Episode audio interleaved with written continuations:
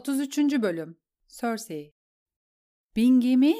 Küçük kraliçenin kahverengi saçları dağınıktı. Yanakları meşale ışığında kırmızı görünüyordu. Kız bir erkeğin koynundan çıkıp gelmiş gibiydi. Majesteleri buna çok şiddetli bir şekilde cevap verilsin. Kızın son sözü tavan kirişlerinde çınladı ve büyük taht odasında yankılandı. Demir tahtın yanındaki, kırmızı ve altın renkli yüksek koltukta oturan Cersei, boynundaki gerginliği hissedebiliyordu. Verilsin, diye düşündü. Benimle emir gibi kullanarak konuşmaya cesaret ediyor. Tyrell kızını tokatlamamak için kendini zor tutuyordu. Dizlerinin üstüne çökmüş bir halde benden yardım dileniyor olmalıydı. Bunun yerine meşru kraliçesine ne yapması gerektiğini söylemeye cüret ediyor. Büngemi, Sir Harris hırıltıyla soluk alıp veriyordu. Bir yanlışlık olmalı. Hiçbir Lord Bingham'i birden komuta etmez. Bazı korkmuş aptallar çift saymış olmalı, dedi ortam Meriwether. Ya da Lord Tyrell'in sancak beyleri bize yalan söylüyor. Lakayt olduklarını düşünmememiz için düşmanın sayısını abartıyorlar. Arka duvardaki meşaleler demir tahtın uzun ve dikenli gölgesini kapılara giden yolun yarısına kadar düşürüyordu. Taht odasının diğer ucu karanlığın içinde kaybolmuştu ve Cersei etrafının gölgelerle sarıldığını hissediyordu. Düşmanlarım her yerde ve dostlarım işe yaramaz. Bunu bilmek için danışmanlarına bakması yeterliydi. Sadece Lord Kyburn ve Orange uyanık görünüyordu. Diğerleri, Marjorie'nin gönderdiği haberciler kapılarını yumrukladığında yataktan kalkmışlardı. Şimdi darmadağın ve sersemlemiş bir halde salonda duruyorlardı. Dışarısı hala karanlık ve durgundu. Kale ve şehir uyuyordu. Ayakta olmalarına rağmen Boras Blunt ve Merin Trent de uyuyormuş gibi görünüyordu. Osmond kara kazan bile esniyordu. Ama Loras esnemiyor. Çiçek şövalyesi esnemiyor.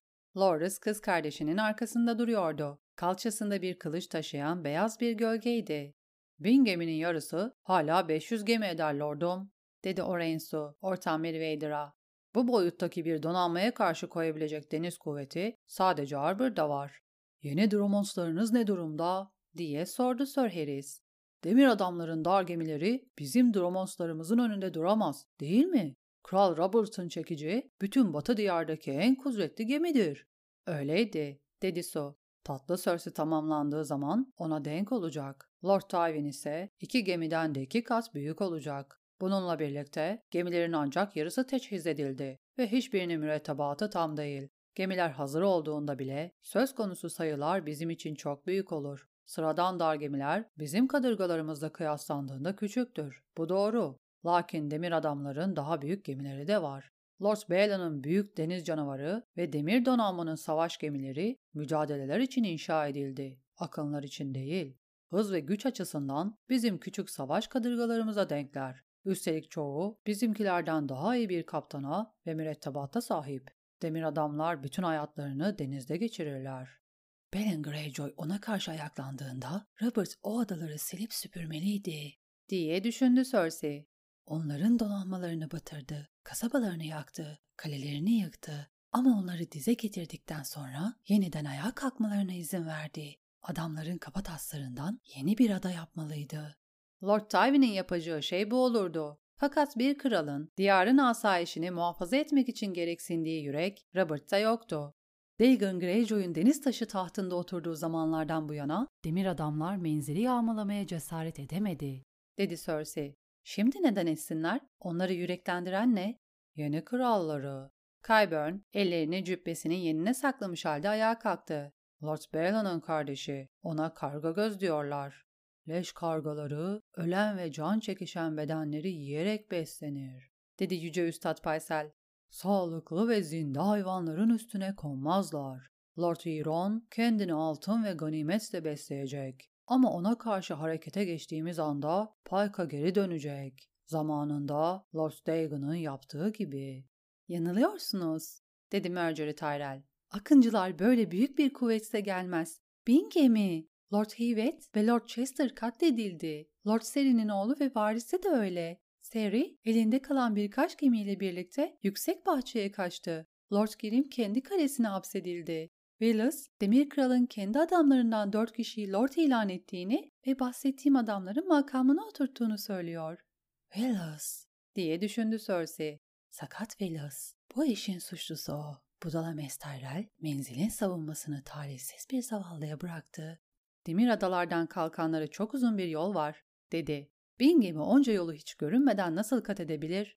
Willis, gemilerin sahil şeridini takip etmediğine inanıyor, dedi Marjorie. Karayı görmeden açık denizde ilerlemişler. Gün batımı denizinin açıklarına kadar gidip batıdan geri dönmüşler. Büyük ihtimalle sakat Willis gözcü kulelerine adam yerleştirmemişti ve şimdi bunu öğrenmemizden korkuyor. Küçük kraliçe abi için mazeretler uyduruyor. Cersei'nin ağzı kurumuştu. Bir kadeh arbor altınına ihtiyacım var. Eğer demir adamların bir sonraki hedefi Arbor'sa yakında bütün diğer susuzluk çekebilirdi. Bu işte Stannis'in parmağı olabilir. Balon Greyjoy, Lord babama ittifak önermişti. Belki Balon'un oğlu da Stannis'e ittifak önerdi. Paysel kaşlarını çattı. Lord Stannis böyle bir ittifakla ne kazanabilir ki? Ayağını güvenle basabileceği sağlam bir zemin daha kazanır. Ganimet de kazanır. Stannis, paralı askerlerin ücretini ödeyebilmek için altına ihtiyaç duyuyor. Batıda akınlar düzenlemekle dikkatimizi ejderha kayasından ve fırtına burnundan uzaklaştırabileceğini umuyor. Lord Meriwether başıyla onayladı. Bir şaşırtmaca. Stannis tahmin ettiğimizden daha kurnaz. Adamın taktiğini çözecek kadar zekisiniz majesteleri. Lord Stannis, kuzeyli adamları kendi tarafına çekmek için didiniyor, dedi Paysel. Eğer demir adamlarla dost olursa, kuzeyli adamları kazanmaya dair umudu. Böyle iyi eğitimli bir adamın nasıl bu kadar aptal olabileceğini merak ederek, kuzeyli adamlar Stannis'i kabul etmez, dedi Cersei. Lord Manderley, soğan şövalyesinin kafasını ve ellerini kesti. Bunu Freylerden öğrendik ve bir düzine kuzeyli lord, Lord Bolton'un yardımına koştu. Düşmanımın düşmanı benim dostumdur. Stannis demir adamlardan ve yabanalardan yani kuzeyli adamların düşmanlarından başka kime dönebilir? Lakin benim bu tuzağın içine yürüyeceğimi düşünüyorsa Stannis senden bile büyük bir aptaldır. Cersei tekrar küçük kraliçeye döndü. Kalkan adaları menzile ait. Grim, Seri ve diğerleri yüksek bahçeye bağlı. Buna cevap vermek yüksek bahçeye düşer. Yüksek bahçe cevap verecek, dedi Marjorie Tyrell. Willis, Eskişehir'deki Lacton Hightower'a savunmasını güçlendirmesi için haber yolladı. Garland, adaları geri almak için adam topluyor. Lakin kuvvetimizin en iyi kısmı Lord babamla birlikte fırtına burnunda. Babama haber göndermeliyiz. Derhal. Ve kuşatmayı kaldırmalıyız. Cersei, Marjorie'nin küstahlığından hoşlanmıyordu. Bana derhal diyor. Onun hizmetçisi olduğumu mu sanıyor? Lord Stannis'in bundan çok hoşlanacağına eminim. Beni dinliyor muydunuz deydim? Eğer Stannis gözlerimizi ejderha kayası ve fırtına burnundan çekip o kayalara bakmamızı sağlarsa, kayalar mı? diye sordu Marjorie öfkeyle. Majesteleri kayalar mı dedi. Çiçek şövalyesi elini kardeşinin omzuna koydu.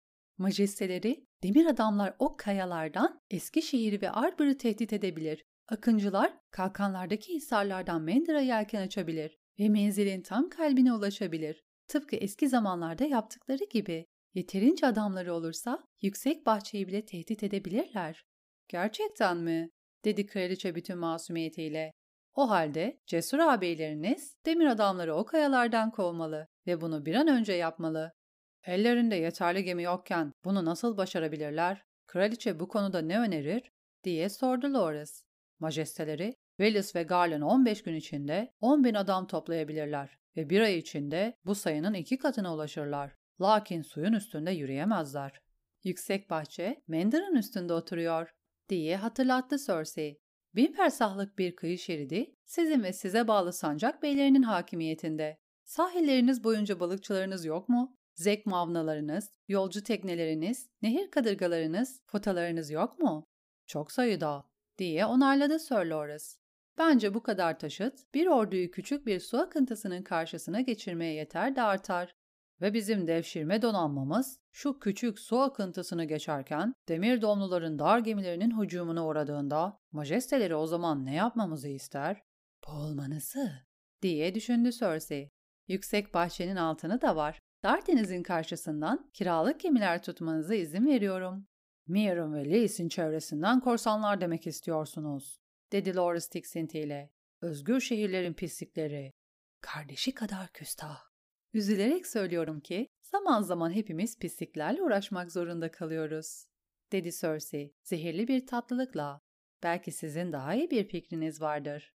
Mandar'ın ağzını demir adamlardan geri alacak ve ağabeylerimi geçiş sırasında dar gemilerden koruyacak sayıda kadırga sadece Arbor'da var. Yalvarıyorum majesteleri, ejderha kayasına haber gönderin ve Lord Redwine'a bir an önce yelken açmasını emredin.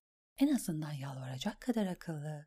Paxter Redwine, 200 savaş gemisine, bu sayının 5 katı kadar karağa, şarap kökesine, ticaret kadırgasına ve balina gemisine sahipti. Bununla birlikte Redwine, Ejderha Kayası'nın duvarlarının altında kamp kurmuştu ve donanmasının büyük bölümü Karasu koyunun karşısına Ada Kalesi'ne düzenlenen taarruz için adam taşımakla meşguldü. Donanmanın geri kalanı Gemi Kran koyunun güneyinde dolaşıyordu. Fırtına burnunun denizden beslenmesini sadece o gemilerin varlığı engelliyordu. Orensu, Sir Lawrence'ın önerisiyle köpürdü. Eğer Lord Redwine gemilerini oradan çekerse ejderha kayasındaki adamlarımızı nasıl besleyeceğiz? Arbor'un kadırgaları olmadan fırtına burnundaki kuşatmayı nasıl sürdüreceğiz? Kuşatma daha sonra sürdürülebilir. Cersei Lores'ın sözünü kesti. Fırtına burnu kalkanlardan yüz kat daha değerli ve ejderha kayası. Ejderha kayası Stannis'in elinde kaldığı sürece oğlumun boğazında bir bıçak var demektir. Kale düştüğünde Lord Redwine'ı ve donanmasını serbest bırakacağız. Kraliçe ayağa kalktı.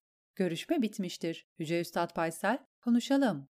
Yaşlı adam, Cersei'nin sesi onu bir gençlik rüyasından uyandırmış gibi irkildi. Ama Üstad bir cevap veremeden önce Lord Tyrell öne çıktı. Şövalye öyle hızlı hareket etmişti ki Cersei korkuyla geri çekildi. Çiçek şövalyesi tek dizinin üstüne çöktüğünde kraliçe kendisini koruması için Sir Osmond'a bağırmak üzereydi.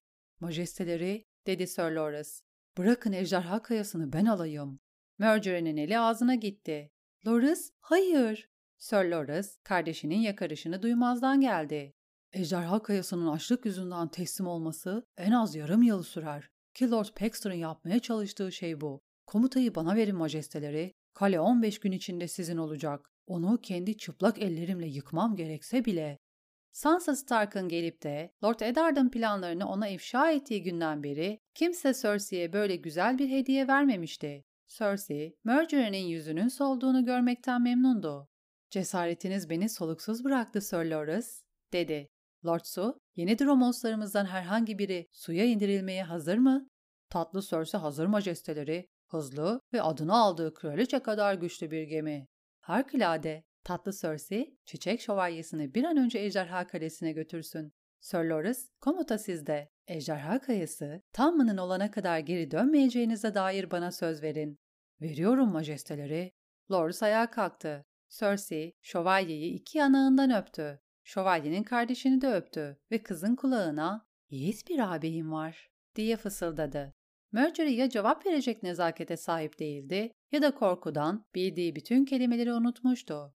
Cersei, demir tahtın arkasındaki kral kapısından çıktığında şafağa hala saatler vardı. Sir Osmond bir meşaleyle birlikte kraliçenin önünden gidiyordu. Qyburn de kraliçenin yanında yürüyordu. Paysel onlara yetişmek için çabalıyordu. Majesteleri, dedi nefes nefese. Genç adamların gözü karadır. Savaşın sadece görkemini düşünürler ve tehlikelerini akıllarına bile getirmezler. Sir Lawrence'ın bu planı vahametle dolu. Ejderha kayasının duvarlarına saldırmak. Çok cesurca. Cesurca ama. Çiçek şövalyesinin siperlere ulaşan ilk adam olacağından eminim. E belki de ilk devrilen. Stannis'in kale kumandanı olarak bıraktığı çiçek bozuğu Peach, acemi bir turnuva şampiyonu değil, tecrübeli bir katildi. Eğer tanrılar merhametliyse, o adam Sir Lordis'a istediği şanlı soyu verirdi. Delikanlının yolda boğulmayacağı varsayılırsa tabii. Geçen gece yine fırtına çıkmıştı. Şiddetli bir fırtına. Yağmur, demir külçeler halinde saatlerce yağmıştı. Ve bu çok üzünlü olmaz mı? diye düşündü kraliçe. Bu olmak sıradan bir şey. Sir Loras, şöhreti şehvetle arzuluyor. Gerçek erkeklerin kadınları arzuladığı gibi. Tanrıların onun için yapabileceği en küçük şey, ona şarkılara layık bir ölüm bahşetmek olur. Ejderha Kayası'nda delikanlının başına ne gelirse gelsin, kazanan kraliçe olacaktı. Eğer Loras kaleyi alırsa, Stannis korkunç bir tokat yiyecekti ve Redwine donanması demir adamları karşılamak üzere yelken açabilecekti. Eğer Loras başarısız olursa, Cersei sorumluluğun aslan payını şövalyenin aldığından emin olacaktı. Bir kahramanın yüzünü başarısızlıktan daha çok karartan hiçbir şey yoktu. ve eğer Loras kan ve şöhretle örtülü bir halde kalkanının üstünde geri dönerse Sir Osney şövalyenin yassı kardeşini teselli etmek için orada olacak. Cersei kahkahasını daha fazla tutamadı. Kraliçenin dudaklarından dökülen bu kahkaha koridor boyunca yankılandı. Majesteleri, Yüce Üstad Paysel gözlerini kırptı. Ağzı açıktı. Neden? Neden güldünüz? Neden mi? Demek zorunda kaldı Cersei. Aksi takdirde ağlayabilirdim. Kalbim Sir Loris'e duyduğum sevgiyle dolup taşıyor. Yüce Üstad'ı yılan kavi basamaklarda bıraktı. Bu adam artık hiçbir işe yaramıyor diye karar verdi. Paysel'in son zamanlarda yaptığı tek şey Cersei'yi uyarı ve itirazlarla rahatsız etmekti. Cersei'nin yüce rahiple vardığı mütabakata bile itiraz etmişti. Cersei gerekli belgeleri hazırlamasını emrettiğinde Paysel çapaklı gözleriyle ona bakmış ve tarih hakkında gevezelik etmeye başlamıştı. Cersei sonunda adamın lafını kesmişti. Kral Maegor'un devri sona erdi. Emirleri de öyle, demişti sert bir şekilde. Bu kral tamının devri ve benim. Onu kara hücrelerde çürümeye bıraksaydım daha iyi ederdim. Maegor Hisarı'nın etrafını saran kazıklı hendeyi geçerken Sir Loras yıkılırsa kral muhafızlarına yakışır yeni bir şövalye bulmanız gerekecek, dedi Kyburn. Fevkalade bir şövalye, diye onayladı Cersei. Tamını Sir Loras'ı unutturacak genç ve hızlı biri. Biraz kibarlıktan zarar gelmez. Ama kafası saçma sapan fikirlerle dolu olmamalı. Böyle bir adam tanıyor musun? Maalesef hayır, dedi Kyburn.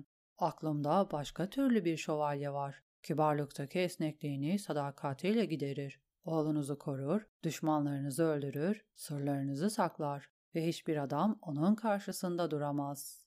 Böyle diyorsun, kelimeler rüzgardır. Zamanı geldiğinde şu kusursuzluk örneğini ortaya çıkarırsın ve söylediklerinin doğru olup olmadığını görürüz. Onun hakkında şarkılar söylenecek, size yemin ediyorum. Lord Kyburn'un gözleri neşeyle parladı. Zırhı sorabilir miyim? Siparişini verdim. Zırh ustası benim deli olduğumu düşünüyor. Hiçbir adamın o kadar ağır bir zırhın içinde hareket edip dövüşecek kadar güçlü olmadığını söylüyor. Cersei, zincirsiz üstada uyarı dolu bir bakış attı. Beni aptal yerine koyarsan çığlıklar atarak ölürsün. Umarım bunun farkındasındır. Her zaman majesteleri. Güzel, bu konuda daha fazla konuşma. Majesteleri çok zeki. Bu duvarların kulakları var. Evet var. Cersei geceleri bazen yumuşak sesler duyuyordu. Kendi dairesinde bile. Duvarların içindeki fareler, diyordu kendine. Hepsi bu. Cersei'nin yatağının başucunda bir mum yanıyordu ama şömine sönmüştü ve başka ışık yoktu. Oda soğuktu. Cersei soyundu ve battaniyelerin altına girdi. Yatağın diğer yanındaki Teyna kıpırdandı. Majesteleri diye mırıldandı. Vakit ne? Baykuş vakti diye cevapladı kraliçe. Cersei ekseriyetle yalnız uyuyordu ama bundan hiç hoşlanmıyordu. Cersei'nin en eski hatıraları, Jaime ile birbirlerinden ayırt edilemeyecek kadar küçük oldukları ve aynı yatağı paylaştıkları zamanlara aitti. Daha sonra Jaime ve Cersei ayrıldığında Cersei'nin bir dizi yatak hizmetçisi ve eşlikçisi olmuştu. Çoğu Lord Tywin'in hane şövalyelerinin ve sancak beylerinin kızlarıydı. Hiçbiri Cersei'yi memnun etmemişti ve çok azı uzun dayanmıştı. Küçük yılanlar, sürekli hikayeler anlatan ve Jamie ile benim arama girmeye çalışan ruhsuz, ağlak yaratıklar. Yine de kayanın siyah bağırsaklarının içinde Cersei'nin o kızların sıcaklığından memnuniyet duyduğu geceler olmuştu. Boş bir yatak, soğuk bir yataktı. En çok da burada, bu odada ürperti vardı ve Cersei'nin sefil kocası bu cibinliğin altında ölmüştü. Robert Baratheon, bu isimle anılan ilk kral, ikincisi asla olmasın. Kalın kafalı, sarhoş, vahşi bir adam. Bırak cehennemde ağlasın.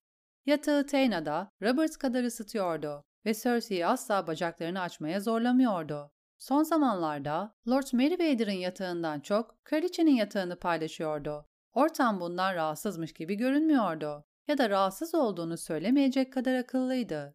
Uyanıp da sizi bulamayınca endişelendim, diye mırıldandı Lady Meriwether. Sırtını yastığa dayamıştı. Yatak örtüsü kadının beline dolanmıştı. Bir sorun mu var? Hayır, dedi Cersei. Her şey yolunda. Sir Loris yarın ejderha kayasına doğru yelken açacak. Redwine donanmasını serbest bırakmak ve bizi erkekliğini kanıtlamak için. Mayor'lı kadına demir tahtın gölgesinin altında olup biten her şeyi anlattı. Yürekli abiyi gidince küçük kraliçemiz çırılçıplak kalacak. Muhafızları var elbette ama muhafızların kumandanını kalenin çeşitli yerlerinde gördüm. Pelerininde bir sincap olan, düşük çeneli, yaşlı bir adam. Sincaplar aslanlardan kaçar. O adamda demir tahta meydan okuyacak cesaret yok. Mercer'in etrafında başka kılıçlar da var, diye uyardı Lady Meriwether. Sarayda birçok dost edindi. Ayrıca hem onun hem de genç kuzenlerinin hayranları var. Birkaç aşık beni endişelendirmez, dedi Cersei. Fakat fırtına burnundaki ordu, ne yapmak niyetindesiniz majesteleri? Neden soruyorsun? Teyna'nın sorusu Cersei'ye fazlaca maksatlı gelmişti. Benim aklımdan geçirdiğim şeyleri küçük kraliçeyle paylaşmayı düşünmüyorsundur umarım. Asla, ben Sinelle değilim. Cersei Sinelle'yi düşünmek istemiyordu. Nezaketimin karşılığını ihanetle ödedi. Sansa Stark da aynı şeyi yapmıştı. Melara Heddersup'un ve şişman Jane Farman'da. O zamanlar üçü de genç kızlardı. Onlar olmasaydı o çadıra asla girmezdim. Kurbağa Megi'nin bir damla kanda geleceğimi görmesine izin vermezdim. Bana ihanet edecek olursan çok üzülürüm Teyna. Seni Lord Qyburn'e vermekten başka şansım kalmaz. Ama biliyorum ki ağlarım. Size asla ağlamanız için bir sebep vermeyeceğim majesteleri. Şayet verirsem söyleyin ve ben Qyburn'e kendi ayaklarımla gideyim. Ben sadece size yakın olmak istiyorum. Size hizmet etmek istiyorum. Neye ihtiyacınız olursa. Ve bu hizmet karşılığında ne ödül bekliyorsun? Hiçbir şey. Sizi memnun etmek beni memnun ediyor. Teyna, Cersei'nin tarafına yuvarlandı. Kadının esmer teni mum ışığında parlıyordu. Göğüsleri kraliçenin göğüslerinden büyüktü ve uçları boynuz gibi karaydı. Benden daha genç, göğüsleri sarkmaya başlamamış. Cersei, bir kadını öpmenin nasıl bir his olduğunu merak etti. Soylu leydiler arasında adet olduğu üzere hafif bir şekilde yanaktan değil, dudaktan. Teyna'nın dudakları dolgundu. Cersei, o büyük göğüsleri emmenin nasıl olacağını merak etti. Mayor'la kadını sırt üstü yatırmanın, bacaklarını açmanın ve onu bir erkeğin bir kadını kullandığı gibi, Robert'ın sarhoşken onu kullandığı gibi kullanmanın nasıl hissettireceğini merak etti. Cersei kocasından ne eliyle ne ağzıyla kurtulabilirdi. Onlar Cersei'nin en kötü geceleriydi. Robert, nefesindeki şarap kokusuyla bir domuz gibi inleyerek haz alırken Cersei çaresizce onun altında yatardı. Robert işini bitirir bitirmez arkasını döner ve daha Cersei'nin uyluklarına bıraktığı tohumlar kurumadan horlamaya başlardı. Cersei her seferinde acı çekerdi. Bacaklarının arası yara olurdu. Robert'ın bıraktığı çürükler yüzünden göğüsleri sızlardı. Robert'ın Cersei'yi ıslattığı tek gece düğün geceleriydi. İlk evlendiklerinde Robert yakışıklı bir adamdı. Uzun boylu, güçlü ve kudretliydi. Ama kılları gür ve siyahtı. Göğsündekiler kalın ve edep yerlerindekiler sertti. Robert, Cersei'nin üstünde gidip gelirken, ''Üç dişli mızraktan yanlış adam döndü.'' diye düşünürdü kraliçe. İlk birkaç yılda Robert'ın Cersei'ye daha sık sahip olduğu zamanlarda Cersei gözlerini kapatır ve Rhaegar'la birlikte olduğunu hayal ederdi. Robert'ın Jaime olduğunu hayal edemezdi. O çok farklıydı, çok yabancıydı, kokusu bile yanlıştı. Robert için o geceler asla yaşanmamıştı. Kral, sabah olduğunda hiçbir şey hatırlamazdı ya da Cersei'yi buna inandırmıştı. Bir keresinde evliliklerinin ilk yılında Cersei bir sabah hoşnutsuzluğunu dile getirmişti. ''Canımı yakıyorsun.'' diye şikayet etmişti. Robert, utanmış gibi görünecek nezakete sahipti. Mutfaktan elmalı kek çalarken yakalanmış bir çocuğun edasıyla ''O ben değilim leydim.'' demişti. ''Şarap, çok fazla şarap içiyorum.'' İtirafını yutabilmek için bira kupasına uzanmıştı. Robert kupayı dudaklarına doğru götürürken Cersei kendi kupasını adamın yüzüne indirmişti. Öyle sert bir darbeydi ki Robert'ın dişi kırılmıştı. Yıllar sonra bir ziyafette Robert bir mutfak hizmetçisine dişini bir meydan dövüşü sırasında kırdığını anlatmıştı ve Cersei bunu duymuştu. Pekala, bizim evliliğimiz bir meydan dövüşüydü diye düşündü. Robert yalan söylemiş sayılmaz. Ama geri kalan her şey yalandı. Robert geceleri karısına neler yaptığını hatırlıyordu. Cersei bundan emindi. Bunu adamın gözlerinde görebiliyordu. Robert sadece unutmuş gibi yapıyordu. Unutmuş gibi yapmak, utançla yüzleşmekten daha kolaydı. Robert Baratheon kalbinin derinliklerinde bir korkaktı. Tecavüzler zaman içinde azalmıştı. İlk yıl boyunca en az 15 günde bir tekrarlanan taciz, sonunda yılda bir kereden aza düşmüştü. Ama asla tamamen bitmemişti. Er ya da geç, Robert'ın çok fazla içtiği ve kocalık haklarını talep ettiği bir gece gelirdi. Robert'ı gün ışığında utandıran şeyler karanlıkta ona zevk verirdi. Kraliçem, dedi Teyna Meriwether. Gözlerinizde tuhaf bir bakış var. İyi misiniz? Ben sadece hatırlıyordum.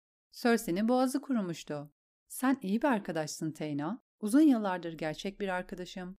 Biri kapıyı yumrukladı. Yine mi? Sesin aciliyeti Cersei'yi titretti. Üstümüze bin gemi daha mı geliyor? Kraliçe bir sabahlık giydi ve kapıdakinin kim olduğuna bakmaya gitti.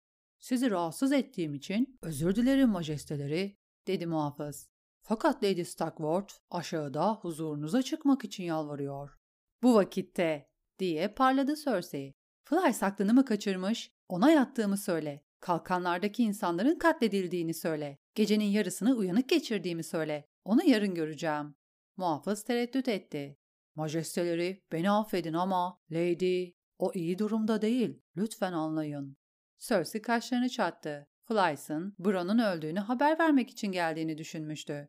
Pekala, giyinmem gerek. Onu çalışma odasına götür. Beklesin. Lady Meriwether onunla birlikte gitmek için ayaklandığında kraliçe itiraz etti. Hayır, burada kal. En azından birimiz dinlenmek zorundayız. Fazla oyalanmam. Lady Flys'ın yüzü çürük ve şişti. Gözleri ağlamaktan kızarmıştı. Alt dudağı patlamıştı. Kıyafetleri kirli ve yırtıktı. Cersei, kadını çalışma odasına sokup kapıyı kapatırken ''Tanrılar merhamet edin'' dedi. ''Yüzüne ne oldu?'' Fly soruyu duymamış gibiydi. ''Onu öldürdü'' dedi titrek bir sesle. ''Anne merhamet et. O, o!'' Hıçkırıklara boğuldu. Bütün vücudu sarsılıyordu. Cersei bir kadeh şarap doldurdu ve kadehi ağlayan kadına verdi. Bunu iç, şarap seni sakinleştirir. Aferin, şimdi biraz daha. Ağlamayı kes ve bana neden burada olduğunu anlat. Kraliçe sonunda Lady Flys'ın ağzından hüzünlü hikayeyi alabildiğinde şarap sürahisi boşalmıştı. Cersei ağlaması mı yoksa gülmesi mi gerektiğini bilmiyordu. Teke tek dövüş diye tekrar etti. Yedi krallıkta güvenebileceğim tek kişi yok mu? Batı diyarda bir parça aklı olan tek kişi ben miyim? Bana Sir Balmia'nın Bron'u teke tek dövüşe davet ettiğini mi söylüyorsun? Ba basit olacağını söyledi. Mızrak bir şo şövalye silahıdır dedi. Ve bu Bron gerçek bir şövalye değildi. Balmion onu atından düşüreceğini ve adam yerde yatarken işini bitireceğini söyledi. Bron gerçek bir şövalye değildi. Bu doğruydu. Bron, mücadeleyle sertleştirilmiş bir katildi. Senin ahmak kocan kendi ölüm fermanını yazmış. Harika bir plan. Planın nasıl ters gittiğini sorabilir miyim? Bu Bron, mızrağını Balmia'nın zavallı atının göğsüne sapladı. Hayvan devrildiğinde Balmia'nın bacakları kırıldı. Çığlıkları yürek parçalıyordu. Paralı askerlerin merhameti yoktur diyebilirdi Cersei. Size bir av kazası ayarlamanızı söylemiştim. Serseri bir ok, attan düşmek, öfkeli bir domuz. Bir adam ormanda sayısız şekilde ölebilir. Bu şekillerin hiçbiri mızrak içermez. Flies kraliçeyi duyuyormuş gibi görünmüyordu. Balmiğine koşmaya çalıştığımda bu Bron yüzüme vurdu. Lordumu itiraf etmeye zorladı. Balmian onunla ilgilenmesi için Üstad Frinkin'e sesleniyordu. Ama paralı asker İtiraf mı? Cersei bu kelimeden hoşlanmamıştı. Cesur Sir Balmian'ımızın dilini tuttuğuna inanıyorum. Bron onun gözüne bir hançer sapladı. Güneş batmadan önce Starkworth'tan ayrılmamın iyi olacağını, aksi takdirde bana da aynı şeyi yapacağını söyledi. Beni garnizonun içinde elden ele gezdireceğini söyledi. Adamlar beni almaya tenezzül ederse tabii. Bron'un tutuklanmasını emrettiğimde adamın şövalyelerinden biri Lord Starkworth'un söylediği şeyi yapmamı önerecek kadar küstahlaştı. Ona Lord Starkworth dedi. Lady Flys kraliçenin eline yapıştı. Majesteleri bana şövalyeler vermeli. Yüz şövalye ve kalemi geri almam için arbeletçiler. Starkworth benim. Elbiselerimi toplamama bile izin vermediler. Bron onların artık onun karısına ait olduğunu söyledi. Bütün iyi ipeklerim ve kadifelerim. O paçavralar dertlerinin en küçüğü. Kraliçe parmaklarını diğer kadının yapış yapış ellerinden kurtardı. Kralı korumak için bir mum söndürmenizi istedim. Siz de mumun üstüne bir kavanoz çılgın ateş döktünüz. Şu kafasız Balmia'nın adımı bu işe karıştırmadığını söyle. Bunu yapmadığını söyle. Flies dudaklarını yaladı. O, o acı çekiyordu. Bacakları kırılmıştı. Bron ona merhamet göstereceğini söyledi ama zavallı anneme ne olacak? Ölecek sanırım. Ne olacağını sanıyorsun? Lady Tenda hali hazırda ölmüş olabilirdi. Bron, kırık kalçalı yaşlı bir kadına bakıcılık yapacak türden bir adam değildi. Bana yardım etmek zorundasınız. Nereye gideceğim? Ne yapacağım? Cersei neredeyse belki de Ayolan'la evlenirsin diyecekti. Merhum kocan kadar büyük bir aptal sayılır. Kral topraklarının eşiğinde bir savaş çıkmasını göze alamazdı. Şimdi olmazdı. Sessiz rahibeler, dulları aralarına almaktan her daim mutluluk duyar, dedi. Onlarınki huzurlu bir hayattır. Duayla, tefekkürle ve hayırlı işlerle dolu bir hayat. Canlılara teselli, ölülere huzur verirler. Ve konuşmazlar. Kadının yedi krallıkta dolaşmasına ve etrafa tehlikeli hikayeler yaymasına izin veremezdi. Flys'ın kulakları mantığa sağırdı. Yaptığımız her şeyi sizin hizmetinizde yaptık majesteleri. Sadık olmaktan gurur duyarız. Dediniz ki... Hatırlıyorum. Cersei kendini gülümsemeye zorladı. Biz kaleni geri almanın bir yolunu bulana kadar burada bizimle kalabilirsin Leydim. Sana bir kadeh şarap daha doldurayım. Uyumana yardım eder. Yorgun ve kederlisin. Bu çok aşikar. Benim zavallı sevgili Flys'ım. İşte böyle. İç. Konu şarap sürahisiyle meşgulken Cersei kapıya gidip hizmetçilerini çağırdı. Dorcas'a Lord Qyburn'u bulması ve adamı derhal oraya getirmesini söyledi. Jocelyn Swift'i mutfağa gönderdi. Ekmek ve peynir getir, etli hamur ve birkaç elma ve şarap. Susadık. Qyburn yemeklerden önce geldi. O sırada Lady Flies üç kadeh daha devirmişti ve uyuklamaya başlamıştı. Ancak zaman zaman canlanıyor ve tekrar hışkırıyordu. Kraliçe, Qyburn'u bir kenara çekti ve ona Sir Balmia'nın aptallığını anlattı. Flys'ın şehre hikayeler yaymasına müsaade edemem. Yaptığın iş için hala kadına ihtiyacın var mı? Var majesteleri, kuklacılar epey yorgun düştü. O halde kadını al ve ne istiyorsan yap. Lakin kara hücreleri bir kez girdiğinde gerisini söylememe gerek var mı? Hayır majesteleri, anladım. Güzel. Kraliçe tekrar gülümsemesini giyindi. Tatlı Flies, Üstad Kayburn burada. Dinlenmeni sağlayacak. Aa, dedi Flies hafifçe. Aa, iyi. Kapı Flies'la Kyburn'un arkasından kapandığında Cersei kendine bir kadeh şarap daha doldurdu. Etrafım düşmanlarla ve embesillerle çevrili, dedi. Kendi kanına ve ailesine bile güvenmiyordu. Bir zamanlar onun diğer yarısı olan Jaime'ye de. O benim kılıcım ve kalkanım olacaktı. Benim güçlü sağ elim olacaktı. Neden beni sinirlendirmekte ısrar ediyor? Bron bir baş belasından öte değildi elbette. Cersei onun iblisi sakladığına hiçbir zaman gerçekten inanmamıştı. Tyrion zeki bir adamdı. Kraliçenin gazabının Lolis'e yöneleceğini gayet iyi bilir ve Lolis'in Piçoğlu'na onun adının verilmesine asla müsaade etmezdi. Lady Meriwether bu hususun altını çizmişti ve haklıydı. Bu istihzanın Bron'un marifeti olduğu hemen hemen kesindi. Cersei adamı elinde bir kadeh şarap ve yüzünde arsız bir gülümsemeyle buruşuk üvey oğlunu seyrederken hayal edebiliyordu. İstediğin kadar sırıt Sir Bronn, yakında çığlık atıyor olacaksın. Hazır yapabiliyorken yarım akıllı karının ve çalıntı kalenin tadını çıkar. Zamanı geldiğinde seni bir sinek gibi ezeceğim. Belki de Cersei, ezme işini yapması için Sir Loras'ı gönderirdi. Çiçek şövalyesi, ejderha kayasından sağa dönerse tabii. Bu harika olur. Eğer tanrıları iyiyse Loras ve Bron birbirlerini öldürürler. Tıpkı Sir Eric ve Sir Eric gibi. Starkworth'a gelince, hayır, Cersei, Starkworth'u düşünmekten bıkmıştı. Kraliçe yatak odasına dönene kadar Tayna tekrar uykuya dalmıştı. Cersei'nin başı dönüyordu. Çok fazla şarap ve çok az uyku dedi kendine. Neticede her gece iki kere korkunç havadislerle uyandırılmıyordu. Ben en azından uyandırılabiliyorum. Robert, hükmetmek şöyle dursun, yataktan kalkamayacak kadar sarhoş olurdu. Bütün bu meselelerle uğraşmak John Aaron'a düşerdi. Robert'tan daha iyi bir kral olduğunu düşünmek Cersei'yi mutlu etti. Pencerelerin dışındaki gökyüzü aydınlanmaya başlamıştı. Cersei, Lady Meriwether'ın yanına yatağa oturdu. Kadının yumuşak nefesini dinledi. İnip kalkan göğsünü seyretti. Rüyasında Mira'mı mı görüyor? diye merak etti. Yoksa yüzünde yara izi olan aşığını mı? Reddedilmesi mümkün olmayan siyah saçlı tehlikeli adamı.